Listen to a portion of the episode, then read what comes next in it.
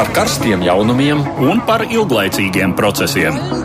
par idejām, par cilvēkiem, par naudu, Un par laiku, par abām mūsu planētas puslodēm. un lietojot abas smadzeņu puslodes. Ēterā raidījums divas puslodes.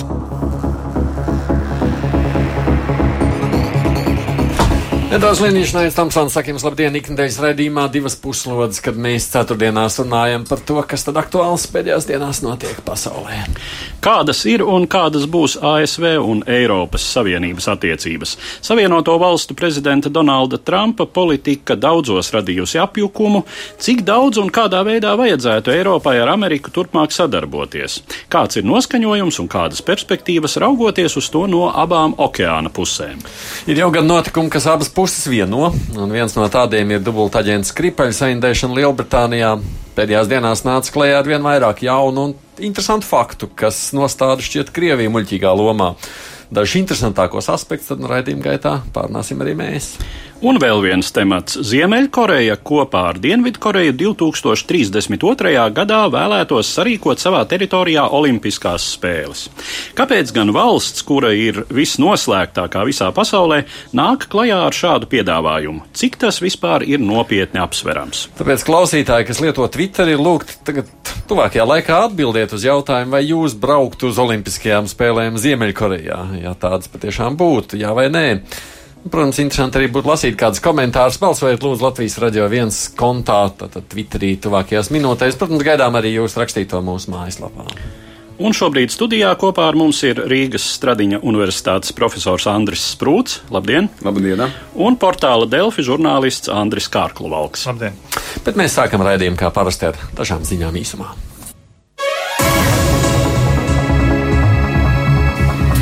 Šķiet, Krievijas lidmašīnas notriekšana Sīrijā šoreiz nebūs ar tādām sakām, kāds bija pirms pāris gadiem, kad lidmašīna notriec Turki. Šoreiz lidmašīnu sašāva pašu sabiedrotie Sīrija. Tiesa, Krievija notikušā vaino Izrēlu, jo tieši pret Izraēlas spēkiem tobrīd raķetu raidīja sīrieši, trapot savējiem. Krievijas aizsardzības ministrija uzskata, ka Izraela Krievijas lidaprātu iespiedusi ugunslīnijā.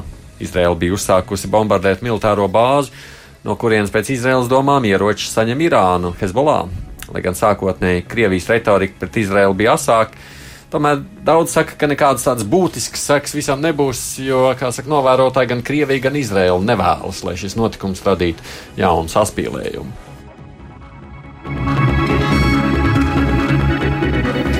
Polija ir gatava maksāt vismaz 2 miljārdus ASV dolāru, lai tur izveidotu pastāvīgu ASV karabāzi. Tā ir paziņojis ASV prezidents Donalds Trumps, jo Trumps kopīgā preses konferencē ar Polijas prezidentu Andžēju Dudu Baltijā namā sacīja, ka Polija piedāvā Vašingtonai šādu summu, kas palīdzētu sekt bāzes izmaksas. Trumps ir piebildes, ka Baltais nams šo piedāvājumu ļoti nopietni apsvēršot. Polijas prezidents, kas viesojas ASV, savukārt sacīja, ka Polija ļoti vēlas šo bāzi jokoja, ka to varētu nosaukt par Trumpa fortu. Nav noslēpums, ka Polija bāzi vēlas Krievijas agresīvās politikas dēļ, un arī Trumps sarunās ar Polijas vadītāju piekritis, ka Krievija rīkojasies agresīvi. Paredzams, ka galīgais ASV lēmums tiks pieņemts nākamgad.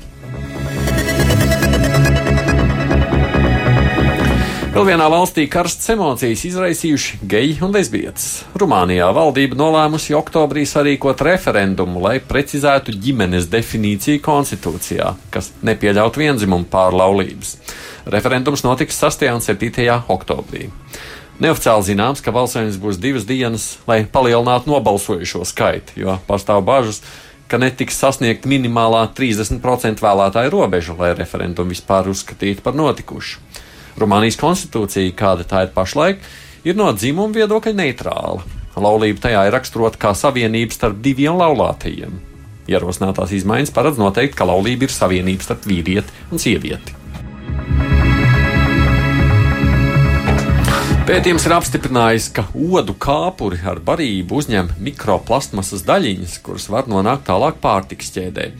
Sīkas plasmas daļiņas, kas atdalījušās no sintētiskiem apģērbiem vai kādiem plasmas izstrādājumiem, ir piesārņojuši lielu daļu no pasaules okeāniem. Jaunākais pētījums atklājis vēl vienu veidu, kā šīs daļiņas kaitē videi. Izrādās, odu kāpuri ar barību uzņem mikroskopiskas plasmasas graudiņas, Savukārt pēc tam šo plasmas uzņēma putni un citi kukaiņēdāji, apēdot odus. To savukārt nomedīja citi dzīvnieki, un tā plasmas nonāk visā barības ķēdē. Šīs parādas nozīmīgums ir tajā, ka tā ir plaši izplatīta. Tā ir atzinusi pētījuma vadošā autora un Redingas Universitātes bioloģija Amanda Kalahāna. Vācu mēdīķi, kas sniedz palīdzību Krievijas mākslas projekta pasīrājiet dalībniekam Piotram Verzilovam, otrdien paziņojuši, ka, ņemot vērā simptomus, viņš visticamāk ir saindēts. Tiesa viņa dzīvībai gan briesmas vairs nedraudot. Vācu mediķi pagaidām nav noskaidrojuši vielu, kas ir izsaukusi Verzilo saindēšanos. Verzīlos pagājušā otrdienā tika ievietots Maskavas slimnīcas reanimācijas nodaļā ar smagiem redzes, dzirdes un kustību traucējumiem, un piekdien nāca pie samaņas. Pusē raiti ir pievērstas uzmanība ar daudzām pret Krievijas politiku vērstām aktivitātēm, taču versijas par notikušo ir vairākas. Verzīlau kolēģi saka, ka viņš sācis interesēties par trīs nogalināto žurnālistu nāves apstākļiem Centrālā Afrikā. Lai nu kā, Krievijā indēšana ar nezināmām vielām kļuvusi aizvien aizdomīgāka. Par indēšanu un Krieviju mēs vēl runāsim, bet vispirms pievērsīsimies citām tematām. Tas ir ASV un Eiropas Savienības attiecībām. Eiropas Savienības un Amerikas Savienoto Valstu sadarbības vēsture ir tikpat sena, cik pats Eiropas integrācijas process. ASV bija visai nozīmīga loma pašā šī procesa aizsākumā, kad tās palīdzība karā izpostītajai Rietumē Eiropai tika mērķiecīgi vērsta cita starpā uz Eiropas valstu ciešāku integrāciju kā garantiju pret postošiem konfliktiem nākotnē. Kopš 1956. gada Savienoto Valstu pastāvīgā misija darbojās pie Eiropas ogļu un tērauda kopienas Luksemburgā kopš 1961. gada pie Eiropas kopienas Briselē. Tomēr līdz augstā kara beigām galvenās sadarbības platformas bija tās, kuras nodrošināja Rietumvalstu vienoto fronti pretstāvē padomi blokam - NATO, Pasaules tirzniecības organizācija, kā arī divpusējie sakari starp ASV un atsevišķām Rietumē Eiropas valstīm. Jauns laikmets Savienoto Valstu un Eiropas Savienības attiecībās iestājās pagājušā gadsimta 90. gados. Līdz ar augstā kara beigām Eiropas Savienības integrācijas procesi bija sasnieguši stadiju, kad gluži loģiska kļuva zināma akcenta pārstatīšana transatlantiskajā dialogā no divpusējām valstu attiecībām un formātu Amerikas Savienotās valstis Eiropas Savienība. Tika radīti tādi fundamentāli dokumenti kā 1990. gada transatlantiskā deklarācija un 95. gada jaunā jaunā transatlantiskā dienas kārtība. Kā regulāra prakse tika iedibināta Savienoto valstu prezidenta tikšanās ar Eiropas komisijas priekšsādātāju un Eiropas padomas prezidējošo valsts vadītāju. Pagājušās pāris desmitgadēs noslēgti vairāki desmiti vienošanos par sadarbību visdažādākajās jomās - tirzniecībā, transportā, tiesvedībā, izglītībā, policijas un drošības dienestu darbā, datu aizsardzībā un tam līdzīgi. Laikam gan pats ambiciozākais mērķis, kas definēts 95. gada transatlantiskajā dienas kārtībā, bija jaunā transatlantiskā tirgus izveide. Tiktu radīta nebijuša apjoma brīvās tirzniecības zona starp šobrīd diviem lielākajiem globālās tirzniecības partneriem - ASV un Eiropas Savienību, kuras orbītā iekļautos arī Kanāda, Meksika un Eiropas brīvās tirzniecības asociācijas valstis.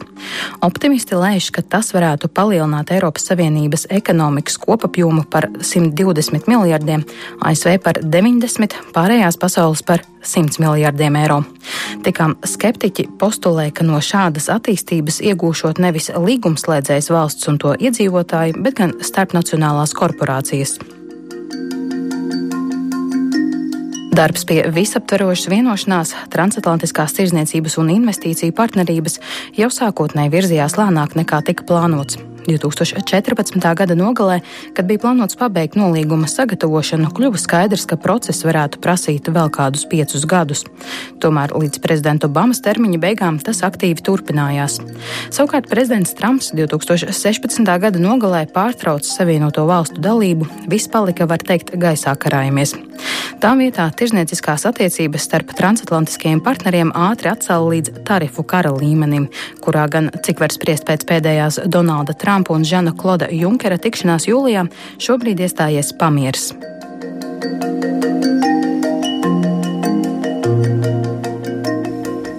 Atgādini, kopā ar mums ir arī Andris Kārklis un Andris Prūts. Kāpēc, jūsuprāt, ASV un Eiropas Savienības attiecības ir tāds salušas? Tam ir kāda objektīva iemesla, vai tas tiec, ne tikai personiskais Trumpa faktors, protams? Es domāju, ka tas Trumpa faktors nenoliedzami ir ļoti svarīgs. Tāpēc tāds apjukums tajās attiecībās ir valdījis.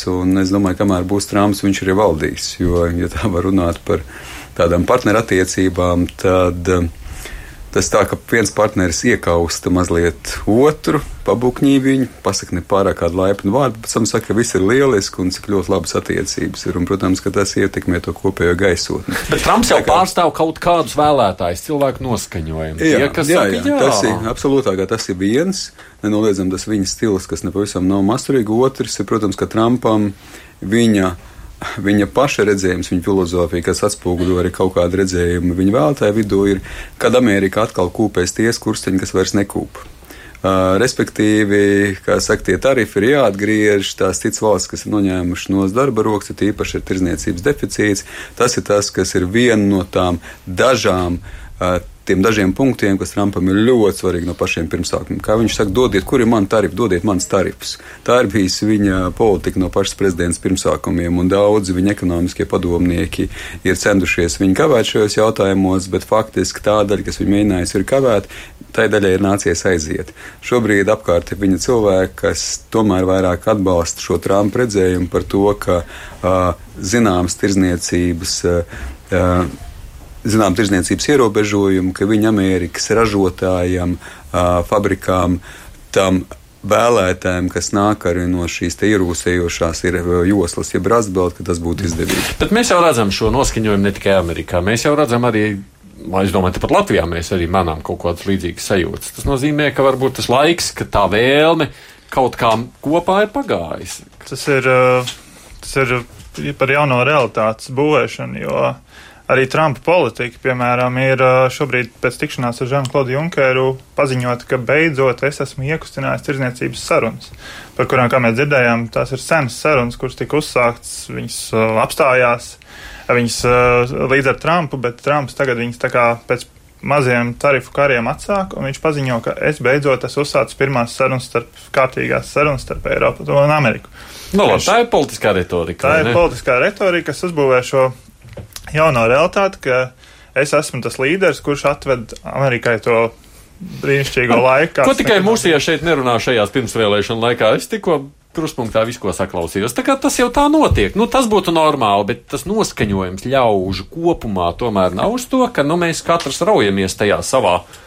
Savā ailē. Šo noskaņojumu ļoti labi parāda šogad Eirobarometra pētījums, kas norāda, ka lielākā daļa, e, ka, ka nebijusi, nebijusi liela daļa Eiropas Savienības iedzīvotāju atbalsta Eiropas Savienības pastāvēšanu. Viņi atbalsta Eiropas Savienību kā institūciju, kas norāda, ka cilvēkus varbūt neapmierina kaut kādi aspekti šai savienībai, bet šī kopuma, savi, kopums kā tāds, šī savienība kā tāda cilvēkiem patīk. Kā vairums tā kā gribētu draudzēties, nezinu, nedod.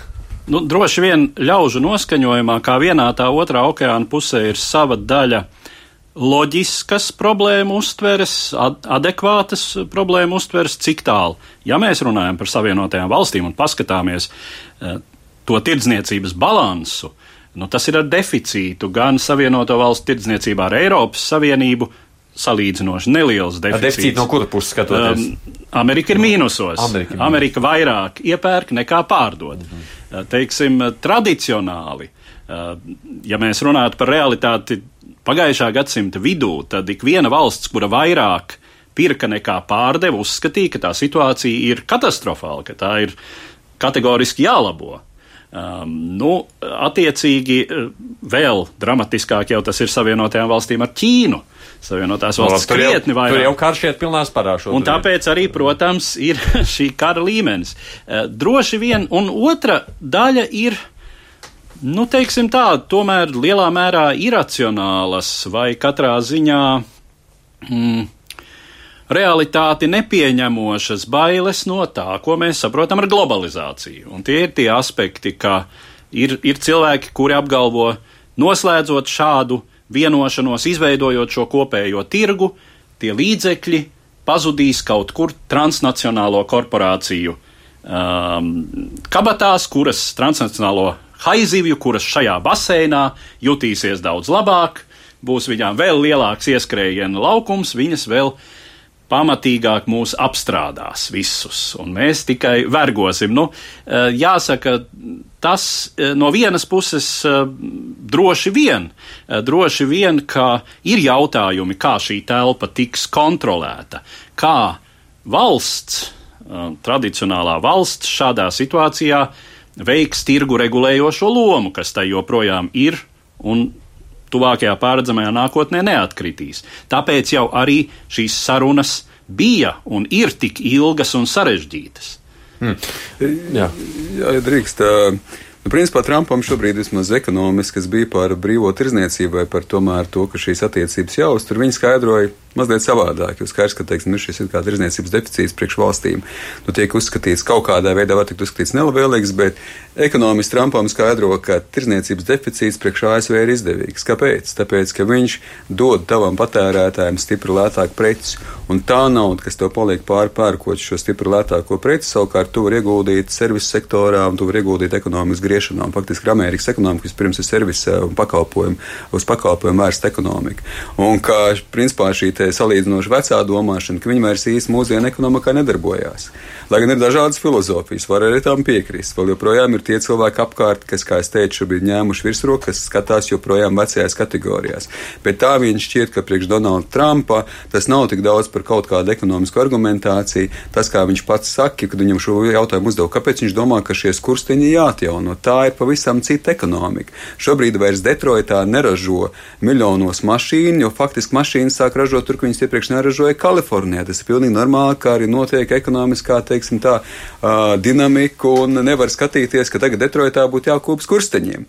Viņš saka, tas ir mans, kā, kam es ticu, tas ir mans fetišs kaut kādā veidā, un es ticēšu, ka tiem kursteņiem ir jākūp. Un tā tam kā, tic arī tā Amerika, tā. kas par viņu ir nobalsojusi. Es pilnīgi piekrītu tam, ko arī jūs teicāt par to, ka globalizācija, tas viens ir par to ekonomiku, kur varbūt nemaz nav ekonomiski argumenti, bet vien vairāk un vairāk tas nenoliedzami ir par bailēm, par ticību, par emocijām, par pieņēmumiem, kam nav varbūt īsti pat saistība.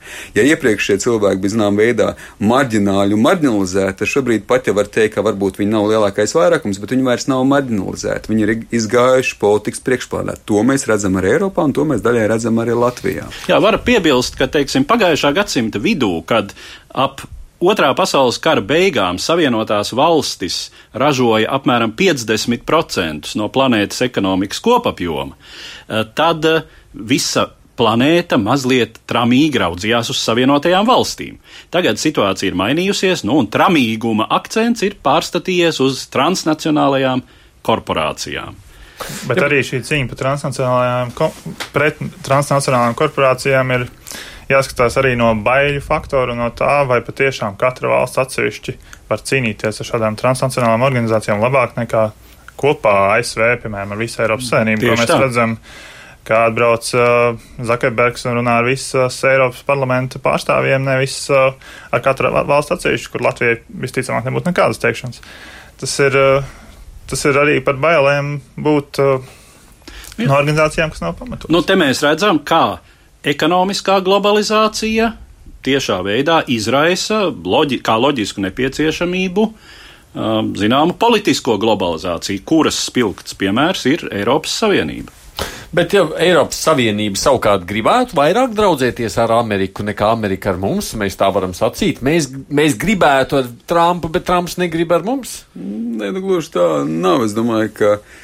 Principā abas puses ir ieinteresētas tajā draudzībā, un tas, kur tagad jau mēs esam nonākuši, ka tas tas tons ir pietušēts, un tas, kas jau tika teikts, ka it kā sarunas atjaunojas, un Trumps jau pasniedz pašu faktu, ka viņš ir sarunu atjaunotājs vai aizsācējs, faktiski liecina par šo sarunu attiecību nozīmīgumu, tā skaitā ar ASV, un arī ieviešot šos tarifus uz uh, tēraudu un uz alumīniju, uzreiz bija zināmā veidā precitiens. Un kopumā, ja mēs skatāmies, atkal runājam globāla ekonomikā, tad ASV un Eiropas Savienība kopā tas ir viena trešdaļa no visas pasaules ekonomikas. Un, protams, tas joprojām ir daudz, tā ir milzīga ekonomika savstarpējā tirzniecība gan pakalpojumos, gan precēs ir vairāk nekā viens triljons. Tas ir milzīgi, tas ir daudz vairāk nekā ASV, teiksim, Ķīnas attiecības. Līdz ar to, principā, tā ieinteresētība uzturēt šīs attiecības absolūti ir. Pie tām vēl plus tam visam, nu, skaidrs, ka Trumps, lai cik viņam varbūt liekas, ka līdās ar visiem ieviesīs tarifus, gan atlaidīs Ziemeļamerikas tirzniecības organizāciju, gan līdās izstāsies no Pasaules tirzniecības organizācijas, nu, viņš arī saprot, ka visās frontēs viņš cīnīties nevar, tā kā tur, protams, ir konjunktūra. Šobrīd viņam ir karš pilnās parā ar Ķīnu, un lielā mērā tie produktus, kurus, kurus aplika ar tarifiem ķīnieši, Uh, tie savukārt šobrīd iet uz Eiropu. Līdz ar to, ja viņš sāks karot arī ar Eiropu, nu tad arī Amerikai būs grūtības. Tā kā es domāju, ka tur tam dodiet mans tarifs, nu tam ir zināmi ierobežojumi. Cik tālu viņš var iet, un es ļoti ceru, ka viņš pats apzinās, lai gan kā pēdējā Boba Budborta grāmata pierāda, nu tur, uh, ir, tur ir diezgan tālu līdz uh, kaut kādai, teiksim, ekonomiskai racionalitātei. Nu, mums ir arī šobrīd ārpolitikas institūta pētniece Diana Pačomkina, viena jūs kolēģi no ne Latvijas šobrīd. Diana, jūs man dzirdat, vai ne? Jā. Jā, sveicināt. Labdien. Es sākšu no otras puses. Jūs savulaik taču arī esat bijusi ASV kaut kad tad, kad tur bija Trumpa vēlēšanas, jā, apmēram ap to laiku. Jā, tieši tā. Jā. Ja es prasītu, kā te jums pašai šķiet, kāds ir tas amerikāņu noskaņojums? Viņiem vispār tādas attiecības ar Eiropu vispār šķiet būtisks jautājums. Šeit ir, protams, jautājums, vai mēs runājam par prezidentu vai mēs runājam par viņa komandu. Nu, es runāju tā kā par amerikāņiem vispār. Par amerikāņiem vispār. Es domāju, ka ļoti liela daļa amerikāņu nesaprot, teiksim, ļoti labi, kas ir starptautiskā politika un kāpēc tas ir svarīgi. Un daudz amerikāņi nemaz ārpus ASV nav bijuši. Valsts ir liela, ir, ir ko apceļot iekšienē, bet tagad no otras puses, teiksim, ja mēs skatāmies uz tiem pašiem amerikāņu lauksaimniekiem, tad viņi ar vien vairāk saprot, nu, teiksim, attiecībā par Ķīnu, kāpēc vispār tās attiecības ar citām valstīm ir svarīgas un kā tas atspoguļojās uz viņiem. Tad tas noskaņojums varētu mainīties. Nu, varētu mainīties, jā. Kāds izskatās savukārt no Eiropas puses, lūkojoties uz visu šo no Briseles? Uh, nu, Brisele ir diezgan uh, satraukusies uh, par visu situāciju, jo, protams, um, ASV vienmēr bija ļoti labs partneris. Tirzniecības attiecības starp ASV un Eiropas Savienību ir vislielākās pasaulē pēc apjoma, vissvarīgākās. Un uh, tirzniecības karš, uh, teiksim, tajā brīdī, kad Eiropa atkopjās no krīzes, jā, tas, tas ir pēdējā lieta, kas mums ir vajadzīga, ņemot vērā visas mūsu iekšējās problēmas ar Brexit un tam līdzīgi. Un, uh, tagad no vienas puses, uh, protams, pozitīvi, ka Junkers uh, jūlijā viesojās ASV un viņi daļēju šo konfliktu teiksim, pieklusināt nedaudz, jā, bet no otras puses, ja mēs skatāmies uz perspektīvām, vienoties ar ASV par tirdzniecību, tad diezgan spožas viņas šobrīd arī neizskatās dažādu iemeslu dēļ. Jā, es tieši tev gribēju jautāt, jūs parāt, kāda vispār ir perspektīva, ja mēs tālāk runājam par Eiropas un Amerikas attiecībām? Eiropa ir diezgan bažīga. Un, um, um, tas attiecības viņas ir tikušas arī kā schizofrēniskas. No vienas puses, joprojām mēs paliekam sabiedrotie, NATO ietvaros, jā, teiksim, ir visādi veidi praktiskā sadarbība. Trumpa administrācijā ir cilvēki, kas ļoti mēģina tās attiecības uzturēt labā līmenī. No otras puses, pieauga bažas, jā, un tāda bezierunu, teiksim, tā paļāvība uz to, ka ASV ir mūsu draugs, viņa izzūd. Viņa praktiski ir izzudusi. Mm. Paldies, Diana Pačomkina, kur mēs Beļģijā sazvanījām. Jā, tā es jā. secinu. Jā. Es gribēju piebilst, man prieks būs dzirdēt Diānu, un arī tas tika apliecina, ka arī mēs kļūstam par transnacionālu globālu institūtu. kā tad, jā. kā Nē, nu, šajos laikos ļoti vienkārši sazināties ar dažādām pasaules galiem. Bet, ja skatāmies no perspektīvas, tad jūs prāt, kā tad tur ir tā perspektīva? Diana teica, ka skeptisks tas skats. Nu, es nepārspīlētu skeptiskās notis. Protams, prezidents Trumps ir ekstravagants savās izpausmēs, bet pret visu to grandiozo pozitīvas sadarbības pieredzi, kāda ir Savienotajām valstīm un Eiropai, Eiropas Savienībai, nu, šis ir, šis ir tāds um, saudabīgs atkritiens, varētu teikt. Uh, Maza bedrīte? Nu jā, visdrīzāk. Maza bedīte. Tomēr šis cinītis diezin vai to vezumu gāzīs, lai gan, protams, bažas par tādiem smalkiem ekonomiskiem finanšu mehānismiem, kas var kaut kā reaģēt uh, uz šīm šīm politikas svārstībām un kādas varētu būt tās sekas. Nu, planētas ekonomika un arī Eiropas ekonomika nav šobrīd tā stabilākā. Es gribētu papildināt, un faktiski arī ļoti daudz jautājumā ziņā arī piekrist, ka uh, ir zināma šizofrēnija. No vienas puses ir tā iebukņīšana, un it kā pēc tam atgriešanās, pēc tam it kā tomēr nu, nevajadzētu pārāk dramatizēt, jo attiecības nu, ir. Tam ir objektīvi iemesli, lai šīs attiecības būtu. Tur viena personība visu nevar. Viena personība vienu visu nevarētu tā kā izšķirt, bet tomēr jāpiemina ir viena lieta, ko arī Edvards savā pēdējā tā var teikt teikumā, mazliet tā intonācija tur bija. Būs krīze nākamā ekonomiskā. Jautājums tikai kad un kā. Un viens faktiski no potenciāliem krīzes avotiem var būt Tas var sākties ar tirzniecības karu, neobligāti ar tirzniecības karu starp ASV un Eiropu. Tas var sākties ar to pašu tirzniecības karu starp ASV un Ķīnu. Mēs jau savukārt tas bumeranga efekts tajā brīdī, kad tiešām ja būs ekonomiskā recesija. Tad es domāju, tiešām katrs jau sāk skatīties un skriet uz savu pusi. Līdz ar to, teiksim, tas, kas šobrīd tajā politikā notiek un ar ekonomiskā politika no Trumpa puses, viņi var izraisīt tomēr arī spēcīgāku, eh, spēcīgāku sitienu. Pastāv arī tas pretējais viedoklis, ka ASV izstājot izvēloties, praktiski norobežojoties no visā pārējā, tad Ķīnas un Eiropas Savienības attiecības jau, tirdzniecības attiecības daudz neatpaliek no Eiropas un ASV attiecībām, jo Eiropas un ASV attiecības neveido pat 20% no Eiropas ārējā tirgus. Mm -hmm. Un, attiecīgi, Ķīnas ar, attiecības smaguma centrs pārbīdīsies. Attiecības ja? ar Ķīnu nav nemaz tik tālu. Man šķiet, ka bija 14-15%. Nu, es būtu piesardzīgs. Nē, es piekrītu tam, tam, ko Andris saka.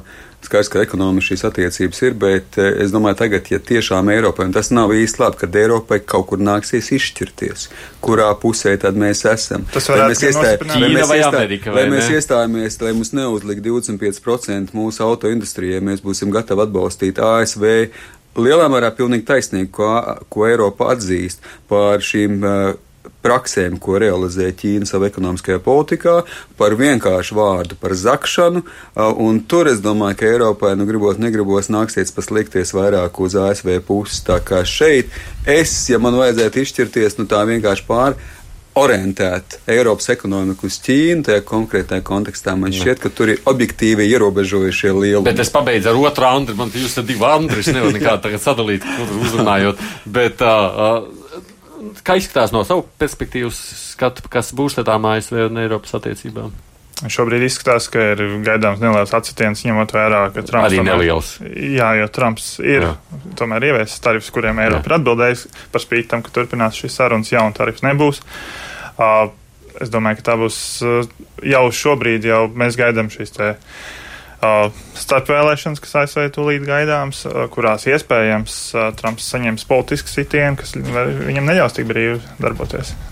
No, Viena īsa piebilde. Tas, ko es lasīju, ka pašreizējais tarifu kara apjoms nepārsniedz statistikas atšķirības starp ASV un Eiropas Savienības skaitļiem. Tagad tas ir proporcionāli visam kopapjomam šobrīd Pagaidām. ļoti nu, nu, šobrīd pagaidām, es domāju, ka ļoti Labi, es, ejam uz priekšu, ķeramies nākamajam tematam klāt. Mums pagājušajās dienās ir daudz nācies dzirdēt un lasīt par dubultaģēnu skripaļu indēšanas sāgu. Tur tādas dažas šodziņas tik garšīgas ir bijušas, ka arī nevaram mēs par to šodien nerunāt. Divi labi noauguši dēlieši, mīlīgi satuvinājušies un teksts burbulī. Aizbrauksim uz Salisbury, es tev parādīšu smaili.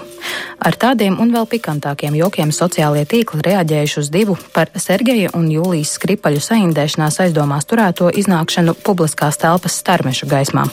Septembra ieskaņā premjerministre Terēze Meija paziņoja, ka Britu policija tur aizdomās Krievijas pilsoņus Petrovu un Borišovu, domājams, Krievijas militārā izlūkdienas aģentus.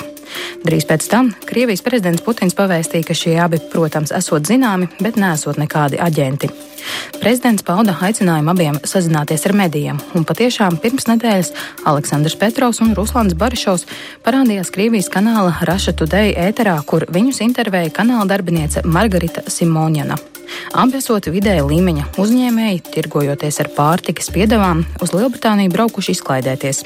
Solsberijā, kur mitinājās un tika saindēti skripaļi, abi ieradušies, lai aplūkotu katedrāli, izcilu angļu gotikas paraugu. Pirmajā dienā abiem nepaveicās. Pilsētā valdījis katastrofāls šķīdonis, un tad nu viņi atgriežušies nākamajā dienā, kad, kā izteicās viens no viņiem, nodarījuši to lietu līdz galam.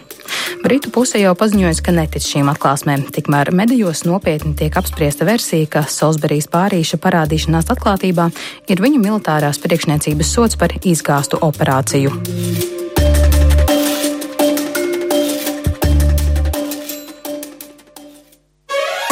divas puslodes. Atgādājot, šeit studijā ir Latvijas ārpolitikas institūta vadītājs Rīgas Traģiņu universitātes profesors Andris Prūts un no portāla Delfa žurnālists Andris Kārkvalks, protams, arī mēs ar Eduardu Liniņu. Ko jūs sakāt par visu šo sāgu, kas kļūst ar vien interesantāk, Edvards? Jā, pirmā piebildu materiālā pārlasīšanās kļūda tātad uh, Petrovs un Bašīrovs. Bašīrovs. Ir, ir šo uh, divu džentelmeņu vārdi. Kāds tur ir īstais vārds, to neviens nezina, vai ne? Mēs te tās. Ne, nu, vārdi laikam ir īstie, bet kas attiec uz dokumentu, uz pašu uh, ticamību, pasu ticamību, un tas tur ir jautājumu gana daudz. Un, tur jau ir par vārdiem, es saprotu, Lielbritānija saka, ka tas nav viņa īstais vārds un uzvārds, ja tā, tā versija parādās. Šķiet, ka šeit jau galvenais ir skatīties, kas ir, tā ir ziņa, tātad kas ir ziņas saņēmējs. Tās noteikti nav valdības. Ne, noteikti nav Lielbritānijas valdība, noteikti ne Eiropas Savienības VC. Kāda galva? Tā vai tā ir arī domājoša sabiedrības? Ticamāk, neviens neticēs, ka kāds no Krievijas brauc pētīt Gotikas katedrālu Salisbury. Un tikai un vienīgi uz turieni, un, un šie aprakstītie laikapstākļi, kur dēļ viņi nevarēja nokļūt līdz šai katedrālai pirmā dienā, kā rāda šīs novērošanas kameras bija, bija samērā normāls, parasts laiks bez sniega. Priekš Anglijas. un tātad sniegs netraucēja, un tātad arī parastā vidējais lasītājs, vidējais ziņas saņēmējs, visticamāk, nebija auditorija šai ziņai. Uh, izskan pat viedoklis, ka tā ir tāda, tas ir tā kā uzturēt uh, šo konspirācijas teoriju ticētājiem tādu vēl vienu odziņu, pie kā pieķerties, lūk, tur kaut kas nav tīrs, Un vienlaicīgi tā ir uh, politiski, kāpēc tas tik ļoti izskan, kāpēc uh, par to mēs tagad runājam. Tā ir tāda viņu informācijas neliela uzvara, ka redziet, jūs par šo te runājat, mēs patiesībā par to ņirgājamies, jo tas ir acīm redzam uzpūsts. Jā, es droši vien varētu piekrist, ka uh, aprēķins, kāpēc tas viss ir noticis, uh, ir ka Krievijas vāra saka tiem, kuri šo, pirma, pirmkārt tiem, kuri šo varu joprojām atbalsta, kur ir tās pusē, Krievijas pilsoņiem, elektorātam. Jā, mēs pirmkārt tiešām ņirgājamies par kaut kādām eiropiešu pretenzijām. Uh, mēs viņiem, piedodiet, spraužam batonus, karinam makaronus, dakšojam uz pilnu klapi. Jā, tie veči brauca indēt, un mēs visi to zinām, un pareizi darīja, ka brauca, un mēs pareizi darījām, ka mēs viņus tur sūtījām, un sūtīsim vēl. Un uh, viņi tagad ir, un, un arī šī versija, ka uh, mēs viņus tagad šādā veidā sodām, nostādot nu, absolūti klaunu lomā, jā, nu tāpēc, ka neizdarīja lietu līdz galam. Skripaļs dzīvs, meita arī, uh, noindējusies kaut kāda nesevišķi sociāli labvēlīga angliete, kas acīm redzot ir atradusi to nelaimīgo flakonu. Nu, tad Un tas arī Tā. pastiprina to sākotnējo reakciju Krievijas sabiedrībā, ka, kas izskanēja nevienā vienā zi, arī nopietnā ziņu portālā, ka kopumā jau sabiedrība atbalsta to, ka tiek sodīts spiegs, kas ir nodevis valsti. Kopumā tam ir atbalsts. Un šis ir tāds, tā ir atklāta jā, parādīšana, ka nu, mēs melojam acīm redzami. Nu, tā tad mēs arī piekrītam šim te, ka mēs to esam izdarījuši savā ziņā. Uh, un sabiedrība to klausās, māja ar galvu, viss ir kārtībā. Akcept, akceptē, atbalsta, un Krievijas varas leģitimitātes līmenis tās sabiedrības daļas acīs līdz ar to tikai aug. Hmm. Nu, Andrēs numurs cits. Es laikam tomēr ņēmu šo franču bijušā prezidenta padomu vērā labāk paklusēt šajā jautājumā. Kāpēc? Kāpēc? Uh, nē, nē, protams, ka es varu teikt, man Tas ir interesanti mediāli, tas ir interesanti no tāda žanra viedokļa, varbūt kas tur ir noticis, bet man tas liekas absolūti mazsvarīgs notikums. Uh, jo, Kāpēc domāju, ar Lielbritāniju tā uztraucas, ja tas ir tik mazsvarīgs? Es Kāpēc domāju, viņi tā? Uztrauc, protams, par to, kas ir noticis, Jā. bet vai reaģē par to, kas tur ko ir sarunājis tagad televīzijā, es domāju, ka visticamāk, ka nē. Bet atgriežamies pie televīzijas, nu skaidrs, ka mēs ienā, ienākuši esam pasaulē, kurā mums katram ir savs redzējums, kurā Krievija veido savus intereses, kurā vispirms, protams, viņiem īpaši pat neinteresē tas, kas būs, ko tur kā uztvers Anglijā, bet kā uztvers viņu pašu sabiedrību. Un praktiski mēs stāstam savu narratīvu katrs priekš savas sabiedrības. Un no tā, bet, es arī īpaši šeit nemēģinātu kaut kādas milzīgas sazvērestības teorijas. Mums tur ir interesanti, tad, kāpēc, un vai tad ļāva viņam tad kā kaunā krista, vai savukārt tieši otrādi. Man liekas, ka tas ir, tas ir atkal interesanti priekš mums, bet man šķiet, ka stipri mazsvarīgi no, no tāda kopēju attiecību un attīstības viedokļa. Lai gan, nu, varbūt mazliet es nonākšu pretrunā pats ar sevi, domājot par visu šo tēmu. Tas, kas priekš manis varbūt ir svarīgi tādā visā, ka, ja man bija kaut kādi jautājumi par to, ka tādā brīdī, kad izraidīja Eiropas Savienības valsts savus, eh, eh, nevis savus, bet Krievijas diplomātus no savas teritorijas, es domāju, bija daudziem jautājumiem, kas tad īsti ir noticis. Jo it kā tas skripais, nu, piedošana par vārdu, bet netika noindēts, īsti saprotams, līdz galam tas nebija. Lielbritānija tobrīd bija problēmas ar Brexit sarunām, nu, tur varēja vērt sazvērestības teorijas ar uz otru pusi. Nu, šobrīd pēc šī te teātra, nu, tā viņš šķiet, ka aptuveni viss ir skaidrs, un ka te ir konkrēti pierādījumi arī tiem ka tai Krievijas pusē bijis nepieciešams šāda teātra spēlēt. Nu, man, teiksim, skatoties no malas, un kas tomēr nevar kā saka, ar slependienas ziņojumiem uzreiz tajā momentā redzēta retrospektīva. Es redzu, ka, protams, ka tur nav bijis dūmes uguns un pilnīgi skaidrs, ka tas ir bijis Krievijas pirksts. Lai gan pirmajā reizē, kā zinātniekam, man jā. es jautājums varēju uzdot. Atcerieties, mums pirmais raidījums, kad tas tikko notika, mēs šeit spriedām, kas jām pakauš un spriedām, kas tur īsti ir vai ne jā. kam. Vai tā ir valsts, varbūt jā. tās ir kādas privātas attiecības un jā. tā ir kāda jā. mafija, kas ir sūtījusi. Nu, lielākoties, jā, nu jautājums varētu būt joprojām par motīvu. Vai tiešām skripaļs joprojām ir Krievijai bīstams, vai arī tā bija spēka demonstrācija parādīt, ka tie, kuri pret mums ir noziegušies, dzimtenes nodevēji, no mums nekur neaizies. Tas notika ļoti, ļoti īsi brīdi pirms vēlēšanām. Jā, Tas jā. ir svarīgs faktors, kas bija, kas bija jāparāda arī. Iespējams, ka mēs ka mē, mums ir vāra, kas atriebjās nodevējiem. Atkal varētu vēl vilkt dažādas sazvērestības teorijas, pirms vēlēšanām, pēc vēlēšanām, lai gan es arī it kā piekritīšu šai loģikai, bet, nu, Tā kā arī Litvinenko gadījumā, kad bija izmeklēšana, tas, ka nu, kā līdz galam, ja neviens nevar aizsniegties to lietu mehāniku. Ja, tāpēc varbūt šeit šis konkrētais gadījums mazliet var, nu, tomēr var mēģināt ķidāt to lietu mehāniku, kādā veidā kas notiek un kādā veidā, teiksim, šie te cilvēki, nu, paši mēģina taisnoties no šīs taisnošanās, nu, var saprast, varbūt, kur ir tā ķēde vai mēģināt saprast, kur ir tā ķēde. Pilnīgi skaidrs, ka viņi tur tik iedzīti, tā var teikt, no augšas. Viņiem tas tik likts izdarīt, iet uz šo televīziju.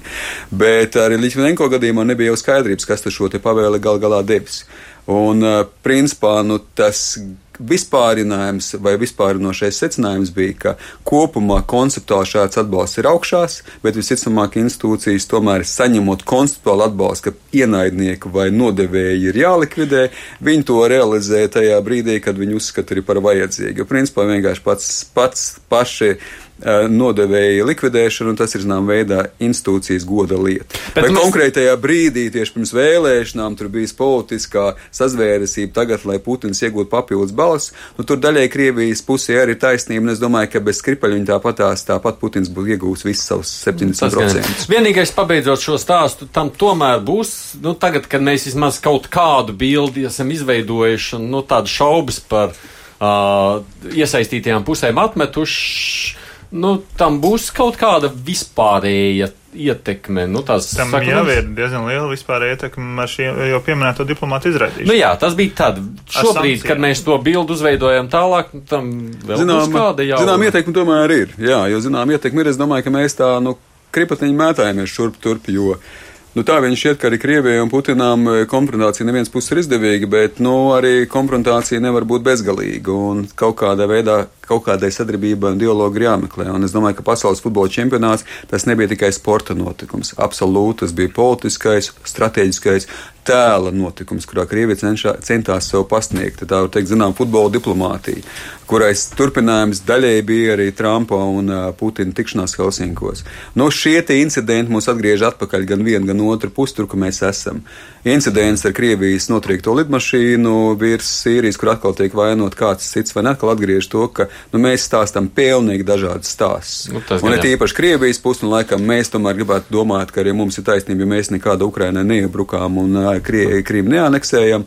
Un ir pilnīgi skaidrs, ka Krievija vienkārši nepārtraukti būs gatava šos te viltus uh, ziņas radīt, un viņi jau nu neatzīs pilnīgi neko. Un es domāju, nu, tam, protams, ka ir pamats. Par stāstiem un sadarbības lietām tad vēl viens temats, kam gribam pievērsties. Tas atkal kārtīgi reizi saistīts ar Ziemeļkoreju, bet nu šoreiz par tādu interesantu piedāvājumu Korejā rīkot vasaras olimpiskās spēles.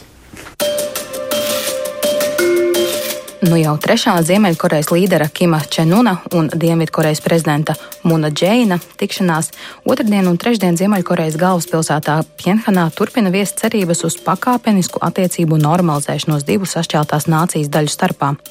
Daudziem tas vēl nesen varēja šķist neticami, ievērojot, kāda politiska un ekonomiska plaisa šķir abas Korejas. Tomēr trešdien abi līderi nākuši klajā ar paziņojumiem par apņemšanos attīstīt dialogu, militārās spriedzes mazināšanas pasākumiem un pat kopīgu pieteikumu 2032. gada vasaras Olimpisko spēļu rīkošanai. Ievērojot, ka pirmais nopietnais signāls šim attiecību pavasarim bija plaša Ziemeļkorejas dalība Ziemas Olimpiādē Pjončhanā šī gada februārī ar kopīgu delegāciju izgājienu atklāšanas un noslēguma parādēs un apvienotu sieviešu hokeja komandu, pēdējā iespēja šķiet gana reāla.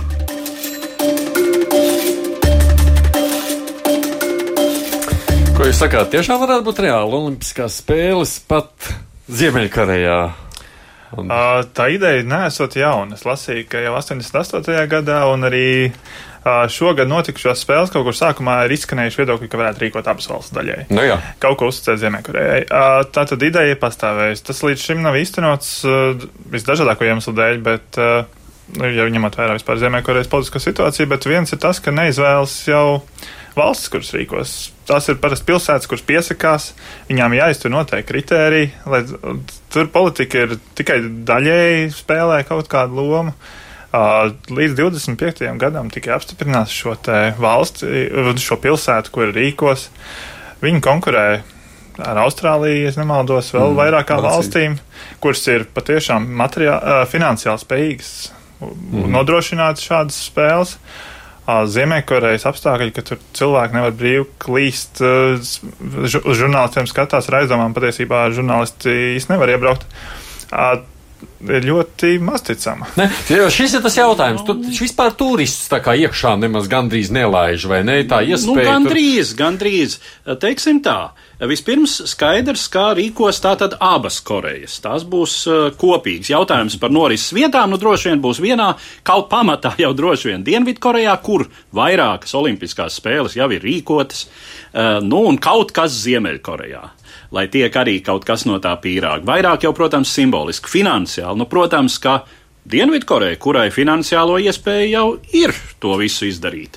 Uh, nu, un uh, vispār tas, ko es lasīju, ka uh, kāre pēdējā laikā rīkot Olimpiskās spēles ir gājusi mazumā pasaules pilsētām, jo tas ir padārgi, un sabiedrība vienmēr uzdod jautājumus, cik tas ir attaisnojami, kas pēc tam ar šīm būvēm notiek, cik tas iegūms patiesībā ir vai liels vai mazs. Eh, nu, un eh, politiski, jā, ar Ziemeļu un Dienvidu Korejas eh, attiecībām ir tā īpatnība, ka tur šī sporta diplomātija spēlē ļoti nozīmīgu lomu. Un faktiski tas pirmais signāls, kas sākās šis pašreizējais attiecību pavasaris starp Ziemeļkorejas un Dienvidkorejas vadību, bija tātad Pjončānas Olimpiskās mhm. spēles, Ziemas Olimpiāda, kurā ne pirmo reizi bet abu valstu delegācijas gāja ar tā saukto Korejas apvienošanās karogu. Balts karoks, uz kura ir šīs pussalas tātad, apvienotas, vienotas Korejas kontūra, Un jā, nu, vienu, viena kopīga komanda, jā, sieviešu hokeja komanda. Un pēc tam jau, jau turpmākajā šī gada gaitā vēl kopīga piedalīšanās Āzijas, nu pat Āzijas valstu sporta spēlēs. Indonēzijā jau ar trīs komandām, un turpat medaļas ir iegūtas. Un tā tālāk. Jā, bet nu, es vairāk no tā skatu punkta domājot par to Koreju, ka viņi vispār ir gatavi tādam domai, domai, nu, brauciet pie mums, mēs te atvērsim, uzbūvēsim, Nē, nu, visi sabrauks iekšā, lai ļauj šim Andrim arī runāt. Uh, tas ir tāds drosmīgs triepiens, ja tā var teikt, uz tās sarežģītās uh, uh, Āzijas un Koreju gleznas, bet es absolūti piekritīšu to, ko Andris teica, vienu vārdu - maz ticams. Kāpēc? Tāpēc, ka Nu, tieši tā, nu, tas, kas ir ar Koreju šobrīd, un tā ir viena no visnebrīvākajām valstīm pasaulē, kādā veidā tas notiktu, vai, vai šī dinastija mainītu kaut kādas savas paradumus pēc kaut kādiem gadiem. Uh, Nu, es domāju, ka to var zīmēt drosmīgi, un tas ir drosmīgs riepiens gan šobrīd, gan arī domājot par nākotni. Nu, pilnībā nevar to izslēgt. Situācija attīstās, un varbūt šeit es mazliet nepiekritīšu, man liekas, ka Olimpiskās spēles ir ļoti daudz par politiku. Tur tiek sādalīts, kurā reizē kam lai tiek, lai kaut kādā veidā arī dabūtu pīrāgu. Jāatcerās, ka Vladimirs Putins gan uz eh, Ziemas Olimpiskām spēlēm, gan uz pasaules futbola čempionātu pieslēdzās ļoti aktīvi, un tā viņš šķiet, ka arī tur tika iedarbināti ļoti pamatīgi resursi, lai nonāktu pie tā rezultāta rezultāti. Bet eh, tā, par ko tas īsti ir, tas nav par olimpiskām spēlēm, tas ir par šī brīža procesu, tas nav par rezultātu, tas ir par šo brīdi. Šajā brīdī ir jāuztur visi instrumenti, kā saka, mm. silti, lai turētu to dialogu, lai, lai parādītu to dialogu. Tas nav mazsvarīgi, jo nu, tas, kā es teicu, tas drosmīgais triepiens, viņš Nu, viņš iedarbojas uz mūsu, ja tā var teikt, to, to apziņas tvērienu, vai ne, uz mūsu redzējumu un viņu pašu. Tā kā no tā viedokļa, jā, tas ir labi. Bet eh, nu, man liekas, tieši tāpēc, ka tas ir tik, tik tālu, un ka es pat sapratu, nevis līdz 25. gadam ir jānolem, ka ne ātrāk par 25. gadu pat nolems. Tā kā turpat vēl ir kaut kādi septiņi gadi priekšā, kad vispār nolems. Ja tas būtu jānolem nākošajā gadā, es domāju, ka tāda piedāvājuma nebūtu. Aha. Nu, jā. Bet eh, nu, vēl vairāk aspektu. Nu, pirmkārt, tā nebūs ne tuvu, ne tuvu pirmā reize, kad olimpiāda tiek rīkota totalitārā valstī ar visai policijasku režīmu. Mēs taču atceramies, tāda notika Padomju Savienībā. Tāda notika vēl sociālistiskajā Dienvidslāvijā, tāda notika.